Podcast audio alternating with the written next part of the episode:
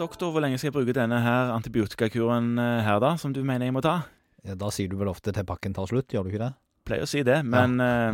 så hvor stor pakke skriver du ut? F.eks. en tonsillitt, da. Ja, for det er jo mer styrende. Eh, Du bestemmer jo hvor mange tabletter du har tenkt å gi stakkaren. Ja. Og til en tonsillitt så tror jeg nok mange i henhold til eh, det som står i nasjonale retningslinjer, har gitt i denne 40-pakken Ja. med 660 milligrams eh, penicillin av en eller annen type. Eventuelt ett gram. Ja. Ja.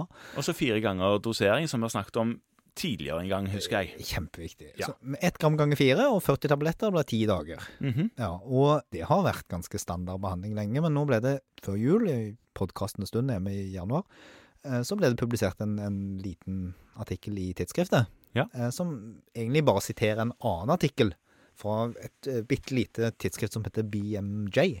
Ja, et sånt lite Så de holder på borti den øyen. Ja, Ja. Um, og de skal jo snart sitte helt alene der, men det er en annen sak. Og den refererer egentlig bare en svensk undersøkelse. Det er noen svensker som har gjort en undersøkelse der de har sammenlignet fem dager og ti dagers behandling. Og for det første, de er ganske sikre på at disse har en streptokokkhals. Ja, De har brukt mer kriterier enn jeg tror det skrives ut penicillin på i norsk allmennpraksis. Altså, de sier at de skal ha enten tre sånne senterkriterier, Ja. eller de skal ha tre sånne senterkriterier. Ja. Altså feber, eh, hovne- lymfeknuter, purulente tonsiller og fravær av hoste. Og så skal de ha positiv streptest. Ja, så dette er en sånn studieopplegg. Dette her er ikke noe man holder på med i allmennpraksis. Nei. Fordi at de kriteriene. De skal jo gjøre streptesten unødvendig, Ja. egentlig. Så her på en måte dobbeltsikrer de seg. Ja. Dette er streptokokker. Ja. Og så har de randomisert de til enten fem eller ti dagers behandling. Ja, hva finner de da? Nei, de finner at det er akkurat like bra. Ja, så Ja. de kan bruke fem dagers behandling og eh, bli kvitt eh, bakteriene sine. Ja, altså det var litt De kontrollerte på en måte da bakteriell utrydding som en sånn ny test, da. Eh, kontrollopplegg som man jo ikke driver med i praksis. Og da så de at det var kanskje litt lavere hos de som hadde fått fem dagers behandling, men de ble symptomfrie fortere. Ja.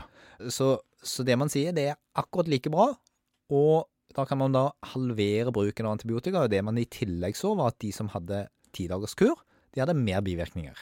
Ja, naturlig nok. Ja, De gikk da lenger på behandling. Så, så med forbehold om at dette er en liten studie, da. Det er ikke gjort veldig mange svære studier på dette i det hele tatt. Her var det faktisk 433 pasienter. Ja, og de studiene vi baserer den tidagersbehandlingen på, de er ikke særlig mye bedre, altså. Nei, de er ikke det. Nei. Sånn at, at det man kan si, og det sier også de som sitter og jobber med antibiotika i, i primærtjenesten i Norge, f.eks. Morten Lindbekk, som er professor i allmennmedisin i Universitetet i Oslo, at Mm.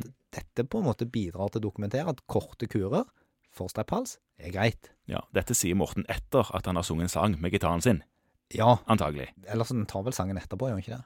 Jeg husker ikke. Nei, men jeg tror det er etterpå. Ok. Men eh, sang eller ikke sang, så er på en måte melodien her at kortere kurer med antibiotika fungerer godt. Det er jo noe som pasientene egentlig har visst alltid, for hvis du går og spør dem om det, så er det ganske mange av de som har slutta etter fem dager og blitt helt fine. Ja.